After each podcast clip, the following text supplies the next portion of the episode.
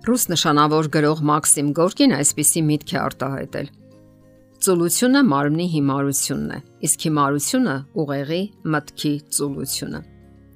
Ինչպես դասյարակել ծույլ երեխային։ Շատ ծնողներ բողոքում են, որ երեխաներն իրենց չեն լսում։ Դաշ չեն անում, ոչ էլ օգնում են տնային գործերում։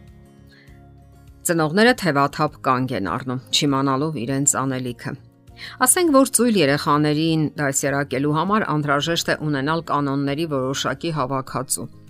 Այդ համապարփակ եւ ընդգրկուն կանոնները հարկավոր է անշեղորեն կիրառել երեխայի հետ փոխհարաբերություններում, որպես գործողությունների ուղեցույց։ Այնինչ պահանջվում է ծնողներից, դա ժամանակն է եւ համբերությունը։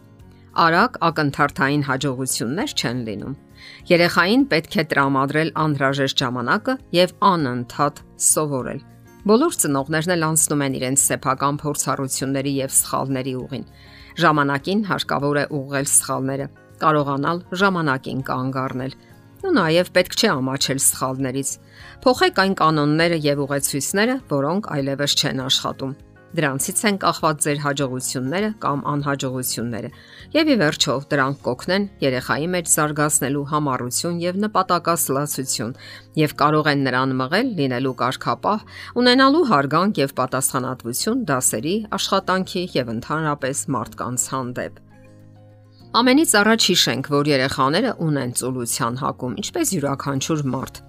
Նրանց հարկավոր է դրթել աշխատանքի Մանկական եռանդը անսահմանափակ է եւ նրանք կարող են սխալ օգտագործել այն։ Հնարավոր է երեխաներն իրենք նախանձախնդրություն դրսևորեն կատարելու այս կամ այն աշխատանքը։ Եթե ոչ, ինքներդ պետք է ցույց տաք, թե ինչ է հարկավոր անել։ Թող նրանք հասկանան, որ պարտավոր են անել այս կամ այն թեկուզ եւ առայժմ փոքրիկ աշխատանքը։ Դա կարող է լինել սենյակը հավաքելը, խաղալիքները դասավորելը, տարիքին համապատասխան այլ տնային գործեր կատարելը։ Այդպես են սովորում աշխատել, ինչպես որ մի օր հասկանում են, որ իրենք չեն աշխարհի կենտրոնը եւ իրենք էլ շատ պարտավորություններ ունեն։ Սովորելով ընտելանալով աշխատանքին երեխան ի վերջո կդառնա պատասխանատու, աշխատասեր եւ ինչու ոչ հաջողակ անznավորություն։ Իսկ եթե երեխային թողնեք իր հայեցողությանը, նա կվերածվի հասուն կյանքի համար ոչ պատրաստ անznավորության։ Ահա թե երբ են ծնողները վնասում երեխային։ Հաջորդ կանոնը այն է, որ երեխան պետք է լսի ծնողներին։ Եթե երեխան չի լսում, հարկավոր է ամեն ինչ անել, որպիսի նա լսի։ Եթե ասել եք, որ նա պետք է անի իր դասերը, հավաքի սենյակը կամ լվանը ամանները, պետք է հասնեք նրան, որ չհապաղի եւ կատարի ամեն ինչ իր ժամանակին։ Արդյունքում կունենաք աշխատասեր, պատասխանատու եւ կարգապահ երեխա։ Իսկ եթե անհնազանդություն է դրսևորում, ապա համապատասխան հակազդեցություն պետք է ստանա։ Երեխան պետք է հասկանա, որ անհնազանդության համար իրեն որոշակի զրկանքներ են սպասում։ Անցանկալի վարքագծի դեպքում ժամանակավոր կարող եք նրա ձեռքից վերցնել օրինակ համակարգիչը կամ նրան պատկանող կամ նրան հուզող որևէ իր։ Պատկերացրեք, որ նրա դասերի որակը կբարելավվի։ Արգելեք զբոսնել փողոցում կամ բակ իջնել եւ այլն։ Երբ նա վստահ լինի, որ իրեն պատիժներ են սպասվում, ավելի ուշադիր կլինի։ Նաև պետք չէ շատ լուրջ ընդունել երեխաների կամակորությունները։ Ամենից առաջ վստահ եղեք, որ դա իսկապես կամակորություն է եւ ոչ օրինական պահանջմունք։ Այդ ձևով նրանք ցանկանում են հասնել իրենց ուզածին։ Արագ կանխեք այդպիսի դրսևորումները եւ վերջ։ Նա կհասկանա, որ դա այն ճանապարհը չէ, որով հարկավոր է գնալ եւ կդադարի այդպես վարվելուց։ Պարզապես անտեսեք ու առաջ անցեք։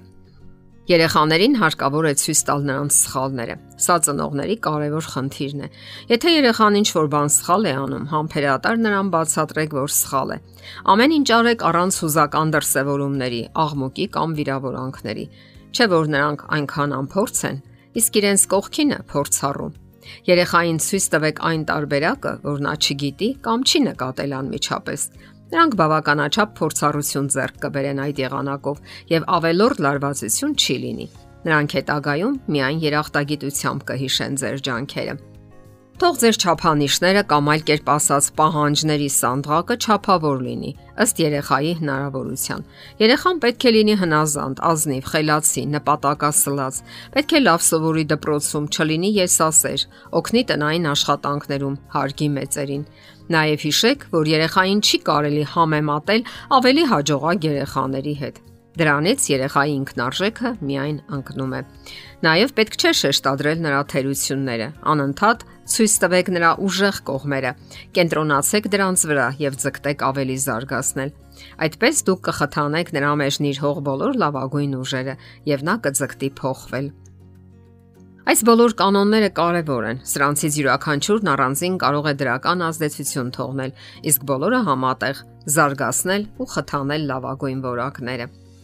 Որոշ աշխատանքների ժամանակ դուք կարող եք օգնել երեխային, եթե նա փոքր է, նրա հետ միասին հավաքեք սենյակը, ցույց տվեք ինչը որտեղ դնել, ինչպես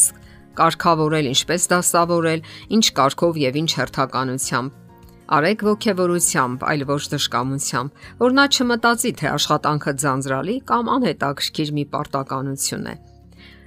Նաև օգնելը կարող եք վերածել խաղի, ստեղծագործական մոտեցում ցուցաբերել Եվ բոլոր դեպքերում մի ափսոսացեք այդ ամենի վրա ծախսված ջանքերը, որովհետև վաղ թե ուշ կքաղեք պտուղները։ Եթերում ընտանիք հաղորդաշարն է։ Հարցերի եւ առաջարկությունների համար զանգահարել 033 87 87 87 հեռախոսահամարով։